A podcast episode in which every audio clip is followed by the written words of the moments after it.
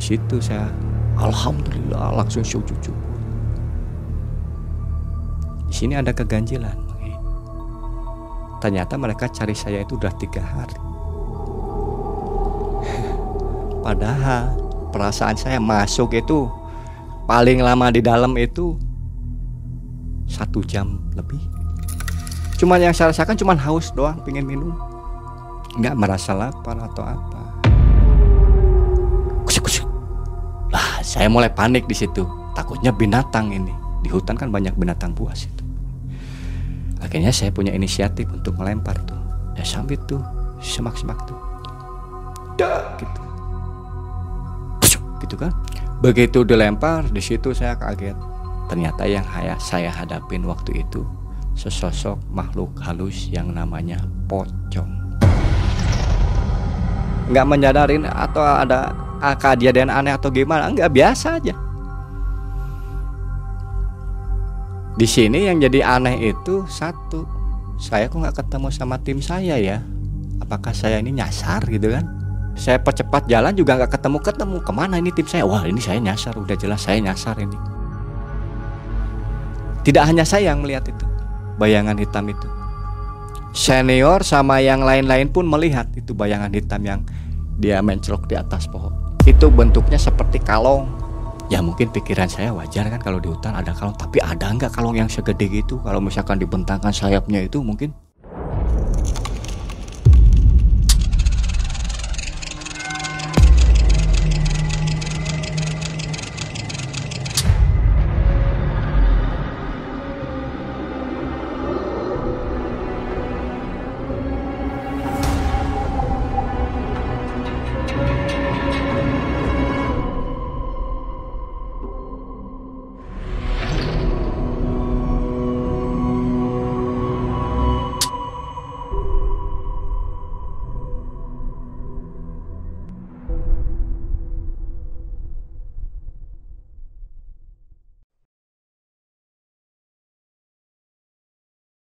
Assalamualaikum warahmatullahi wabarakatuh. Waalaikumsalam warahmatullahi. Salam jumpa Sobat MM. Senang sekali saya Mangai dan tim kembali menemui Anda malam hari ini untuk mengantarkan cerita-cerita dan kisah mistis nyata seseorang. Pada malam hari ini sudah kami undang ke studio seorang mantan pendaki gunung. Mantan ya? Betul, Pak. Beliau adalah Kang Sandi.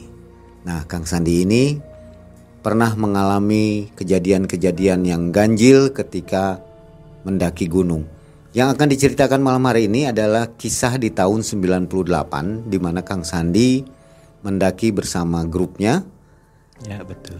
Dan mendapatkan gangguan-gangguan yang luar biasa di antaranya teror pocong sampai tersesat ke alam lainnya. Sampai juga Kang Sandi sempat dicari oleh tim SAR pada waktu itu karena dianggap sudah hilang ya. Betul. Baik sobat MM, kita berkenalan dulu dengan Kang Sandi di depan Anda. Assalamualaikum Kang Sandi. Waalaikumsalam warahmatullahi wabarakatuh. Gimana sehat ya? Alhamdulillah baik. Makasih nih udah datang ke studio, udah mau berbagi kisah dengan kita. Kang Sandi sekarang profesinya apa nih? Kalau saya sekarang profesinya penjual tahu. Tahu. Tahu, betul. Beneran nih? Betul, penjual tahu. Tahu apa nih? Tahu apa nih? Tahu crispy, Pak. Tahu Mangai, crispy. ya. Oh, gitu. Di Daerah Sancang Garut. Kang Sandi ini berasal dari Sancang, Sancang. ya dan sekarang juga memang masih warga Sancang. Iya. Ke Bandung ini jalan-jalan aja ya. Iya, jalan-jalan. Oke. Kang Sandi itu pengalaman tahun 98 itu pengalaman mendaki yang keberapa itu? Itu pengalaman mendaki yang beserta rombongan tim itu untuk pengalaman yang ketiga kali. Tiga kali ya.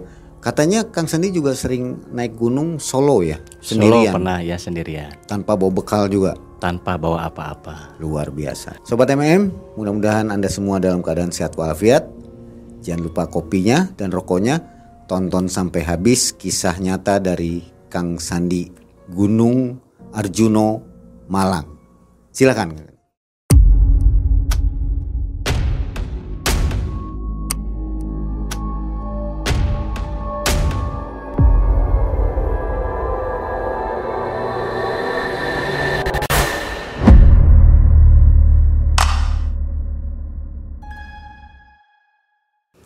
Kejadian ini terjadi tahun 1998, tepatnya waktu itu ada perkumpulan pecinta alam. Kebetulan waktu itu saya ditunjuk sebagai ketua peserta. Jadi satu tim itu terdiri dari 10 orang. Uh, ada empat regu. Saya tim yang pertama. Kita adakan pendakian ke Gunung Arjo, uh, Arjuno itu tepatnya di daerah Malang. Kita base camp di sana sampai akhirnya kegiatan dimulai.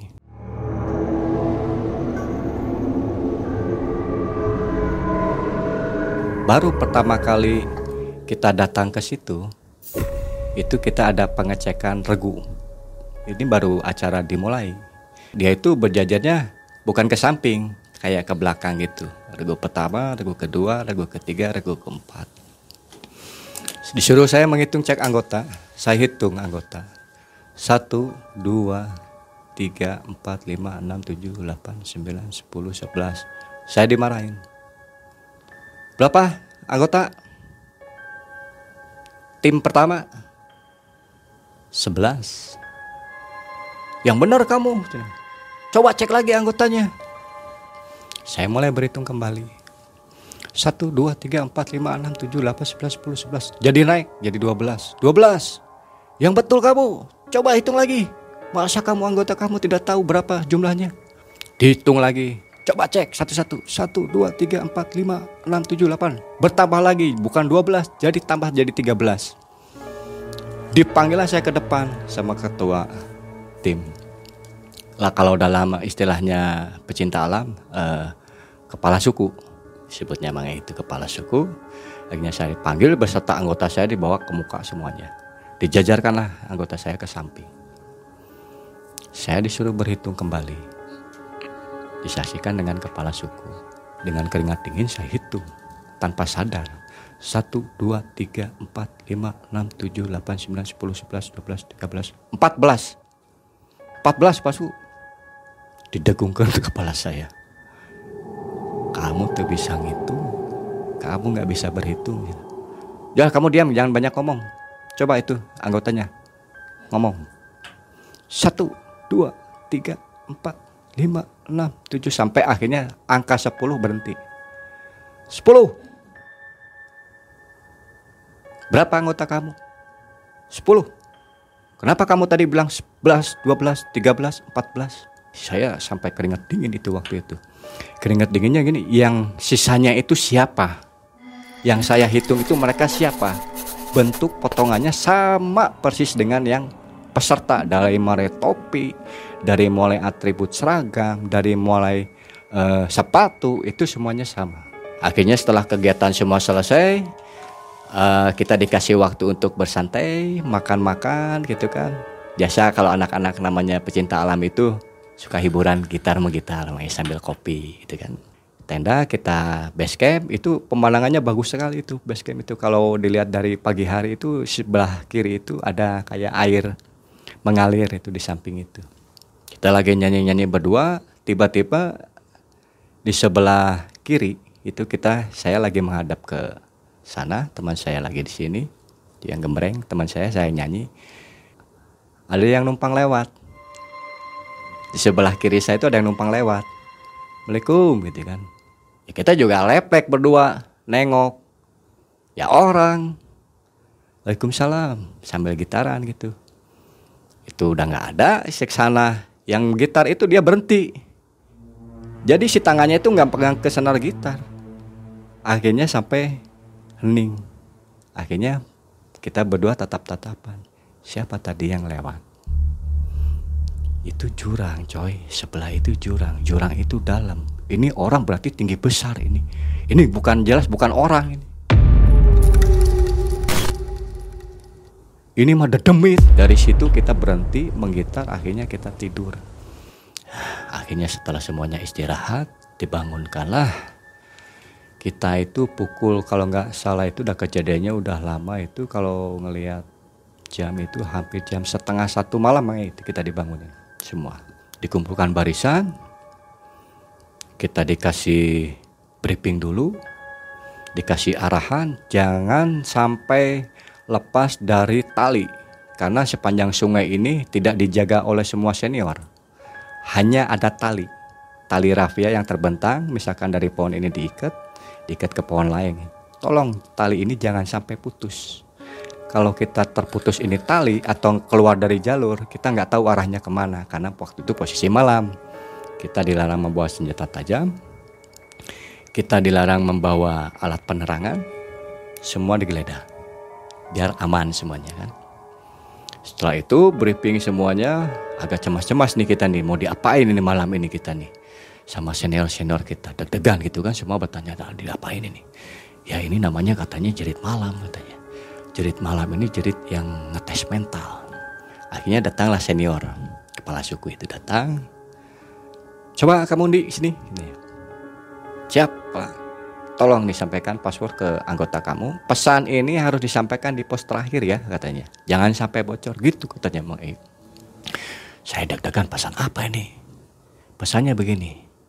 Saya melihat kepala bergelantungan di atas pohon. Serem Mang Eib.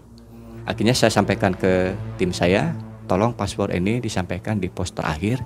Jangan sampai bocor di pos pertama kedua apa tiga. Kalian harus paham ini pos-posnya ya. Kalau bocor gimana ya? Nggak tahu. Paling suruh push up atau gimana ya? Nggak tahu. Saya minta usul sama senior untuk jadi tim yang terakhir pada waktu itu karena saya tim pertama. Harusnya memang pertama tapi saya ada kedekatan dengan senior. Saya minta istilahnya untuk menenangkan anggota saya saya minta diberangkatkan paling terakhir. Di jeda setiap orang ada waktu jeda kurang lebih setengah jam. Jadi 10 orang nggak boleh langsung 10 orang satu persatu jalan setengah jam satu persatu. Akhirnya setelah regu ketiga habis baru masuk tim saya saya sebagai ketua waktu itu ketua regu saya menempatkan posisi di titik yang terakhir Biasanya kalau ketua lagu dalam pendakian pertama, tapi kalau untuk dalam susur sungai, untuk keamanan anggota saya, regu saya, saya menempatkan posisi di yang paling terakhir karena saya bertanggung jawab terhadap tim saya. Setelah anggota saya semua tim saya udah ke sana, udah menyusir sungai satu persatu, akhirnya begitu tiba giliran saya terakhir karena ada saya kedekatan dengan senior jadi saya di bawah dia pimpinannya. Kebetulan Mai daerah sana itu airnya itu panas. Jadi kalau di gunung itu rata-rata airnya kan dingin. Kalau di daerah sana itu daerah Malang itu airnya yang mengalir sungai itu air panas. Jadi kalau kita kedinginan di sana itu kita bisa berendam di air panas. Santai aja kamu di ini pos terakhir. So kalau mau ngerokok ngerokok aja bebas. Dan nggak disuruh push up lah kita modal CS kita enak ngerokok santai. Sok naon pesana ah nggak mau. Kamu mau nipu gua. Lo mau ngerayu gua sama rokok sebatang nggak bilang gitu kan. Lo bukan pos bukan pos terakhir. Gua bilang yakin lo baru pos pertama. Baru lihat orang kamu. Mana mungkin kamu pos terakhir ah susah ngomong sama kamu mas. Sok. Lanjut sudah. Lanjut aja saya ke pos kedua. Begitu di pos kedua kita relax juga santai nggak seperti digembleng sama yang lain. Sok bocorin nanti ini udah pos terakhir. Tadi kan lu pos pertama udah kelewatan. Ini pos terakhir lah santai aja. Ah nggak nggak percaya gue mah. Pos terakhir. Pasti masih panjang nih jalannya soalnya kaki belum pegel oh taruh-taruh boneka pocong di atas gue juga udah tahu memang itu ditakut-takutnya emang sama boneka pocong jadi ada guling didandanin pakai berupa pocong begitu pos lewat ada yang takut, ada yang lari. Akhirnya yang senior di belakang saya itu nyusul santai. Esok lah ngobrol-ngobrol. Tinggalin aja lah. Percuma ngebujuk saya tahu ada udah hafal jalurnya. Ya, okay. Pergilah mereka berdua saya ditinggalin sambil merokok. Sok habisin dulu rokoknya. Gue mau duluannya ke depan. Siap, dia bilang. Nyebranglah saya ke sungai. Jaraknya nggak terlalu lebar sih sungainya cuma sekian nih sungainya itu sekian nyebrang ke sungai gitu kan sambil merokok menunggu rokok habis kan nggak enak sang dengan peserta yang lainnya emang habis Saya berendam dulu udah dingin cuaca di situ. Begitu saya berendam itu saya mendengar di semak-semak itu seperti binatang. Saya bingung, kusuk-kusuk gitu kan. Pas lagi berendam gini, kaki pakai sepatu jengkel gitu. Eh, jangan dong takutin gitu. Oh, tahu juga lu takut-takutin gitu, gitu kan. Tapi nggak ada jawaban tuh. Kusuk-kusuk. Lah, saya mulai panik di situ. Takutnya binatang ini. Di hutan kan banyak binatang buas itu. Akhirnya saya punya inisiatif untuk melempar tuh. Sambit nggak ya, sambit nggak ya gitu ya kan. Takutnya orang, tapi di orang dijawab nggak ngejawab gitu kan. Akhirnya saya ambil batu kecil. Saya sambit tuh, semak-semak tuh. Dak gitu. Pusuk, gitu kan. Saya kaget. Rusuknya tuh makin goyangnya makin si semak itu goyangnya makin kencang gitu kan. Panik saya, aduh ini binatang buas atau apa ya. Akhirnya saya inisiatif ambil batu yang gede. Masa bodoh amat lu mau orang mau apa, gua ambil gua timpuk. Gitu. Ambil batu gede, saya lempar. Begitu dilempar, di situ saya kaget. Ternyata bukan binatang, ternyata bukan orang. Ternyata yang saya hadapin waktu itu sesosok makhluk halus yang namanya pocong. Asli itu melesat pocong ke atas, saya lari ke pos yang ketiga. Aji pocong. Pocong. Saya lari ke pos yang ketiga itu. Mereka tanda tanya. Apain lu lari? Dia tahu temannya udah ke sana. Dia di pos ketiga itu memang menunggu saya. Yang terakhir tuh si Sandi masih di belakang, si Sandi masih di belakang. Yang lain udah pada ke sana saya dulu. Ayo cepet kabur lah, gak usah pos-pos terakhir saya bilang. Pocong dikejar tuh. Gak percaya dia. Di pos yang ketiga ini tiga orang yang menjaga. Gak percaya saya tinggal bodoh amat saya mau dihukum push up mau di apa saya lari. Kalau gak percaya lihat belakang lo gitu kan. Ternyata begitu mereka melihat ke belakang memang ada kelebatan bayangan. Panik lah akhirnya lari berempat. Makin kita lari kencang itu semakin mereka itu mengejarnya semakin seperti yang cepat. Bingung. Saya punya inisiatif, gue suruh sembunyilah semak. Akhirnya saya tarik yang cewek. Kan ada senior ceweknya perempuan. Saya tarik saya ngumpet di situ. Akhirnya yang lain ngikutin ngumpet di semak-semak kalau lari terus bakal dikejar terus. Di semak-semak lewat depan. Saya bisa bilang pocong karena melihat kuncung saya bilang bisa bilang uh, itu kuntil anak karena terbangnya kalau pocong dominannya dia loncat-loncat kan gitu umumnya. Tapi ini gelebat-gelebat ke sana ke sini larinya itu. Seperti siksak. Sini ada sana blut sana ada sini ada. Cepat gitu kan. Ngejarnya seperti itu. Yang satu pingsan yang satu berteriak-teriak gitu kan yang satu nunggu di situ saya sementara nyari bantuan buat rekan-rekan supaya tim senior datang untuk membantu karena nggak mustahil gitu kan akhirnya mereka datang dibawa tungtung saya dikasih istilahnya mah kelonggaran untuk tidak mengikuti pelantikan. Pos ketiga, pos keempat, jalan pendakiannya agak menanjak jalurnya, melewati jalur semak uh, rimbun. Dari situ saya kehilangan kesadaran. Waktu saya lagi ngagotong yang pingsan. Tapi kata rekan saya, saya tidak pingsan. Mereka tahu saya di luar kesadaran itu setelah saya dikasih minuman panas berupa jahe, wedang jahe. Kalau orang Jawa bilang itu kita dikasih wedang jahe buat menghangatkan tubuh. Wedang jahe itu baru dibikin. Itu saya ambil, saya minum. Sedangkan gelas yang dipegang itu kan stainless itu kalau terbakar api itu jangankan hitungan 5 menit 4 uh, 10 menit kita taruh di bara parafin kita pegang aja udah langsung panas. Itu saya pegang si emuk di parafin itu saya pegang saya minum. Wedang jahe itu tanpa sedikit pun merasakan panas. Saya tidak tahu itu mereka yang berbicara pandangan mata saya kosong tatap terus. Saya memarahin semua senior yang melakukan kegiatan di situ katanya.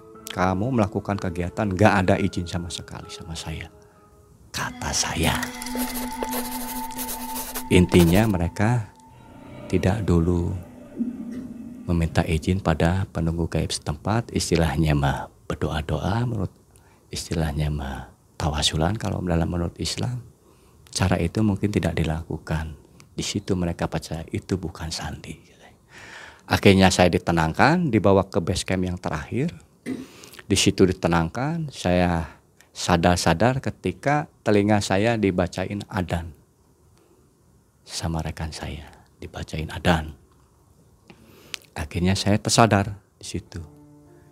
Di situ sadar oh mungkin ini yang namanya kerasukan tanpa di luar kesadaran. Ini saya terasa sakit. Lidah saya putih semua.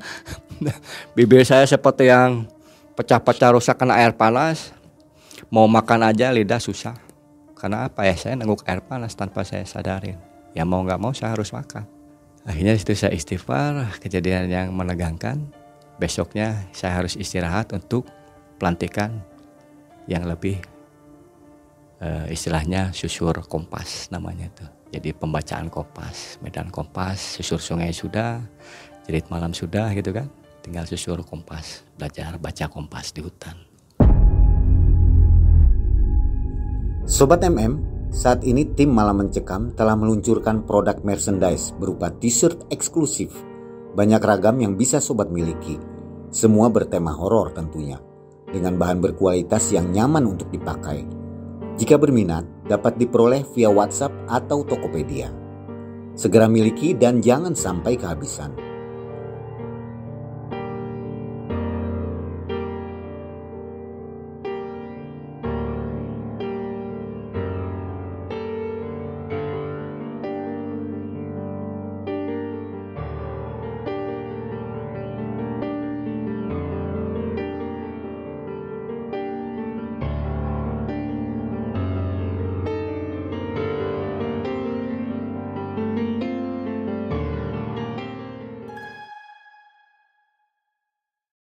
Siang, pagi menjelang siang.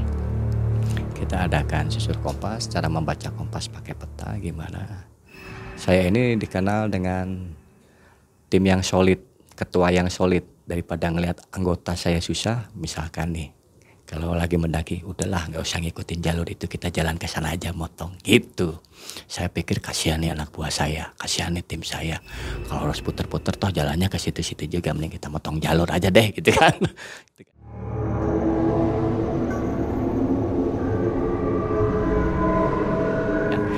saya ketua ragunya dia anggota saya itu jadi ya ngikut aja gitu. Cuman berpikir gimana kalau ketahuan sama senior yang seharusnya kita jalur ke sana kita motong ke sini itu gimana itu? Nanti resikonya gimana? Lah gimana saya aja saya bilang. Susur kompas. Kita beda track. Dari yang kemarin kita beda tracknya. Melalui jalan dulu nih Mai. Jalan setapak dulu. Kebetulan di situ ada truk yang ngangkut kayu Mai saya kasihan sama tim saya. Udah sangat capek sangat lelah. Akhirnya saya berhentiin tuh mobil. Saya berhentiin sudah naik semua. Wah senang kan mereka ngejar-ngejar. Naik ke truk. Nanti kalau ada ini sembunyi aja sembunyi tiarap di bawah. Jangan sampai kelihatan. Kebetulan ada senior yang ngelihat. Apa saya tuh waktu itu.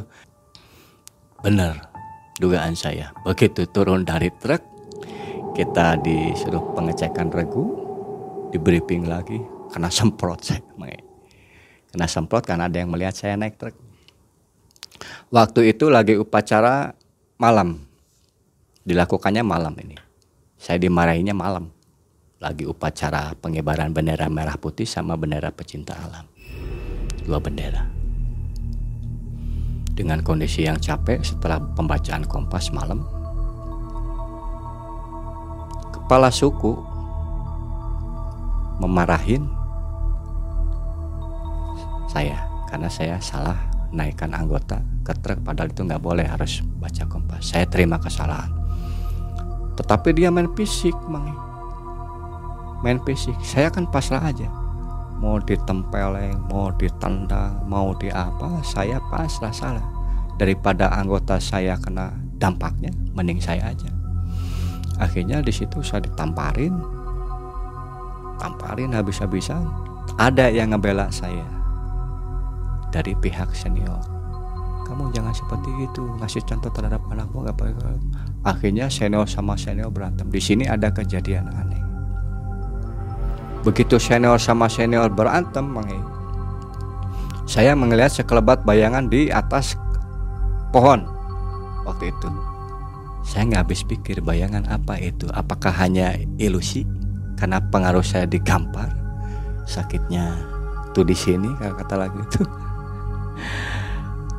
Penasaran lirik ke atas congak cengok. Kamu ngeliat apa aja? Siap saya salah. Ketahu. Saya ngeliat kayak ada yang lebat-lebat wah halusinasi kamu sini. Tampar lagi saya. Wah kamu udah salah ngeyel lagi. Pakai bahasa Jawa. Dibela lagi. Berantem lagi di situ Mai senior sama senior yang ngebela saya. Malu kita sama bendera merah putih kita mau lakukan upacara. Kalau mau dihukum jangan hukum fisik katanya. Push up apa squat jangan. Saya teh tetap mata saya teh ngeliat yang ngelebat tadi itu apa gitu kan. setelah upacara bendera bayangan hitam itu dia ternyata bertengger di atas pohon. Tidak hanya saya yang melihat itu bayangan hitam itu senior sama yang lain-lain pun melihat itu bayangan hitam yang dia mencrok di atas pohon. Itu bentuknya seperti kalong, tapi besar. Ya mungkin pikiran saya wajar kan kalau di hutan ada kalong, tapi ada nggak kalong yang segede gitu? Kalau misalkan dibentangkan sayapnya itu mungkin di batas kewajaran kalong lah. Ah lebih lebih Batman mah kecil, lebih gede lagi gitu kan.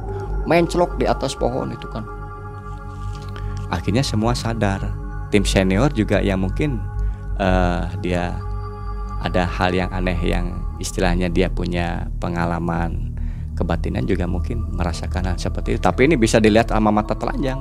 Hampir oleh semua peserta bisa melihat.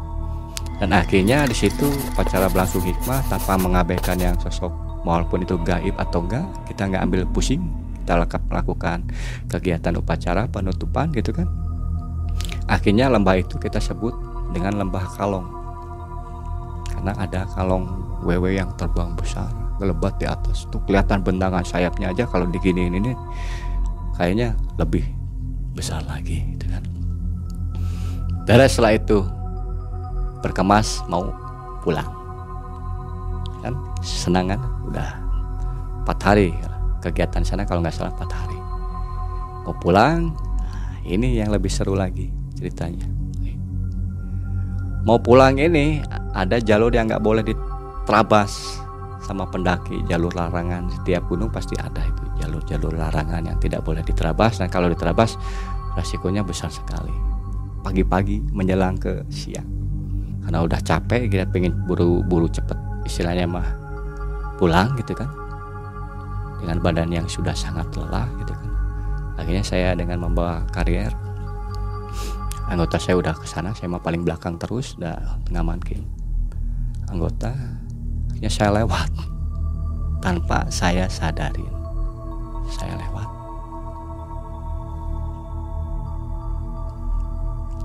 Dalam benak saya biasa saya jalan di gunung gitu. Nggak menyadarin atau ada kejadian aneh atau gimana nggak biasa aja Di sini yang jadi aneh itu satu, saya kok nggak ketemu sama tim saya ya? Apakah saya ini nyasar gitu kan? Saya percepat jalan juga nggak ketemu ketemu ke mana ini tim saya? Wah ini saya nyasar, udah jelas saya nyasar ini. Mampus gua nyasar nggak bawa kompas lagi kan? Kompas sudah dikasihkan semua. Akhirnya capek, ngejar-ngejar nggak ketemu gitu kan? Saya taruh karier capek. Mau ngambil minum habis. Kantong nggak ada habis minum bekal ya saya duduk. Sambil bersandar di karier saya ngeluruskan kaki. Sambil ngeliat ke atas gitu kan. Capek gitu kan mau minum nggak ada minum. Ngejar ragu nggak ketemu. Intinya saya pas ngeliat ke atas itu biasanya di hutan itu ada suara burung atau suara hewan atau suara binatang-binatang. Di sini saya mulai kaget, kaget, panik. Apa ini yang terjadi nih? Dikir dalam hati gitu kan, ya Allah, apa ini ya? Lama kelamaan bulu kuduk merinding. Yang tadinya pengen minum haus, ngelihat pohon, kok nggak ada suara binatang gitu kan? Binatang kecil pun nggak ada gitu suaranya apa kayak sunyi, sunyi mang itu, sunyi gitu kan. Di sini ada kejadian aneh lagi. Begitu saya berdikir dalam hati, udah hati itu tenang, enak gitu kan, adem, nggak ada istilahnya seperti panik yang pertama. Akhirnya saya ambil lagi karier, saya pakai, saya jalan sambil berdoa. Sambil berdoa terus dalam hati. Berharap menemukan seseorang yang bisa menunjukkan saya jalan keluar. Dan alhamdulillahnya doa saya terkabulkan. Saya di jalan bertemu seorang tua lagi cari kayu bakar. Saya nggak berpikir negatif. Ketemu sama orang tua itu, saya tanya, Assalamualaikum pak. Dia jawab, Waalaikumsalam. Mukanya kayak kakek-kakek. Biasa kayak orang-orang tua yang renta yang umur sekitar 60 ke atas. Tapi dia tidak menggunakan baju, kelihatan kulit-kulit keriputnya, tulangnya. Hanya pakai pakaian komprang sama megang kayu bakarnya di tenteng di kelek, di ketiak. Belum saya selesai bicara, dia langsung nunjukin telunjuknya ke saya. Saya ikutin arah telunjuknya ke mana. Ke sana pak arahnya. Makasih pak, Assalamualaikum. Waalaikumsalam dia jawab lagi. Dia menguat lagi kayu bakarnya. Saya lihat tuh si kakek-kakeknya menghilang apa enggak gitu kan. Saya mulai berpikirnya di situ langsung panik lagi itu. Ini oh iya ini tuh di gunung tapi ada kakek-kakek nggak pakai baju. Kulitnya keriput rentung, megang kayu bakar gini. Jalannya sempoyongan gimana kakek-kakek. Nggak menghilang dia, tetap bawa kayu bakar. Begitu saya ke sana, fokus ke jalan yang ditunjukin kakek-kakek. Saya penasaran lagi begitu saya ngelihat si kakek-kakeknya udah nggak ada, Mae. Situ saya lari. lari sampai ke wah. Istilahnya lari sekencang-kencangnya. Ngikutin arah telunjuknya saya kakek. Begitu keluar saya udah ramai orang. Keluar dari alam itu tuh langsung ketemu orang yang ditunjukin kakek-kakek itu tuh langsung ketemu senior-senior yang nyariin saya. Nggak ada batas apa-apa. Jadi begitu keluar teh kayak bet ada orang aja gitu. Jadi kita nggak ah, ada batas ini at misalkan atau atmosfernya ini gini. Enggak jadi begitu kita keluar lari kenceng takut bak, langsung ketemu orang gitu loh. Tapi juga sama lokasinya kayak gitu. Pohon-pohonnya sah di situ saya alhamdulillah langsung sujud syukur di sini ada keganjilan Ternyata mereka cari saya itu udah tiga hari. Padahal perasaan saya masuk itu paling lama di dalam itu satu jam lebih. Cuman yang saya rasakan cuman haus doang, pengen minum. Nggak merasa lapar atau apa gitu kan. Akhirnya begitu datang kasih minum makan, ternyata saya tiga hari. Tim SAR, tim SAR jadi suatu pecinta alam itu ada tim SAR tersendiri sampai uh, istilahnya ya kita kan kalau mau naik gunung kan harus ada izin dulu di base camp terbawah itu juga ikut mencari itu kontek-kontekan. Itu mereka mencari juga tiga hari akhirnya alhamdulillah ketemu akhirnya kita selamat. Jadi di sini intinya kita berpesan nih untuk para pendaki terima kasih untuk tidak merusak alam tidak bisa istilahnya menebang alam sembarangan atau istilahnya uh, kita harus benar-benar mencintai alam itu. Jangan buang sampah sembarangan di alam. Tolong jagalah kebersihan alam itu dengan kita bawa kembali sampah yang ada di gunung. Jangan kita tebarkan berserakan di gunung. Saya sangat sedih sebenarnya kalau melihat itu tuh pendaki kadang-kadang itu bukan pendaki pecinta alam yang sejati. Itu istilahnya hanya pendaki abal-abal yang sekedar istilahnya hobi hobi ikut-ikutan itu yang buang-buang sampah di atas gunung itu Kalau yang benar-benar mereka pencinta alam sejati itu dia nggak akan bawa sampah taruh sembarangan, dia akan bawa kembali dengan dibekal. Turun gunung pun harus dibawa kembali dan tidak dibakar di sana. Kita menjaga takut ada kebakaran hutan. Nah, jadi intinya itu pengalaman ini sangat spesial. Spesial berkesan mungkin ini juga terjadi sama pendaki-pendaki gunung yang lain. Dan hal ini jangan jadikan ketakutan kita. Jadi dijadikan pelajaran bahwa ciptaan Allah Subhanahu wa taala itu baik manusia maupun jin itu ada. Dan alam mereka dan alam kita itu udah berbeda. Kita tidak boleh mengusiknya, mereka juga tidak boleh mengusik. Selain pengalaman yang ini, Kang Sandi ini pasti memiliki pengalaman mendaki lainnya ya. Insya Allah ada Jadi udah berapa puluh kali nih bolak balik gunung kayaknya nih ya. Kalau yang untuk solo kalir lebih sering. Lebih sering. Lebih sering itu yang solo kalir itu. Tanpa bawa bekal juga ya, pernah. kalau yang solo solo kalir itu tahun sebelum 98, sebelum saya bergabung dengan pecinta alam. Sama ada kisah-kisah mistisnya juga. Insya Allah ada. Mau nggak kira-kira berbagi lagi di malam mencekam nih? Siap, Mang. Oke. Demi malam mencekam, ya, saya akan berbagi kisah lagi untuk trek mendaki solo karier di gunung. Iya, siap. Sobat MM, kalau suka dengan cerita dan kisah nyata mendaki ala Kang Sandi, pantengin terus MM ya. Kang Siap. Sandi akan bercerita kembali. Komentar di bawah, Kang Sandi tampil lagi atau enggak? Kalau enggak ya enggak, enggak ditampilin. Mudah-mudahan. Nah, kalau pada komentar kita tampilin lagi. Cuman masalahnya Kang Sandi ini bukan di Bandung loh. Kang Sandi ini adanya di Santolo ya, di Garut sana. Di Sancang. Di Sancang. Jadi cukup lumayan waktu ke Bandung ini. 8 jam, Mang. 8 jam, luar biasa kan? Tapi insya Allah Kang Sandi mau Insya datang ya. Insya Allah. Baiklah, itulah kisah di Gunung Arjuno, Malang pada waktu Kang Sandi akan bergabung ke Mapala ya, pencinta alam. Baiklah, sobat, kita akhiri dulu kisah dari Kang Sandi. Jangan lupa untuk menantikan kisah selanjutnya. Terima kasih sobat atas dukungan kepada Malam Mencekam. Mudah-mudahan selalu sehat walafiat. Saya undur diri. Assalamualaikum warahmatullahi wabarakatuh. Waalaikumsalam.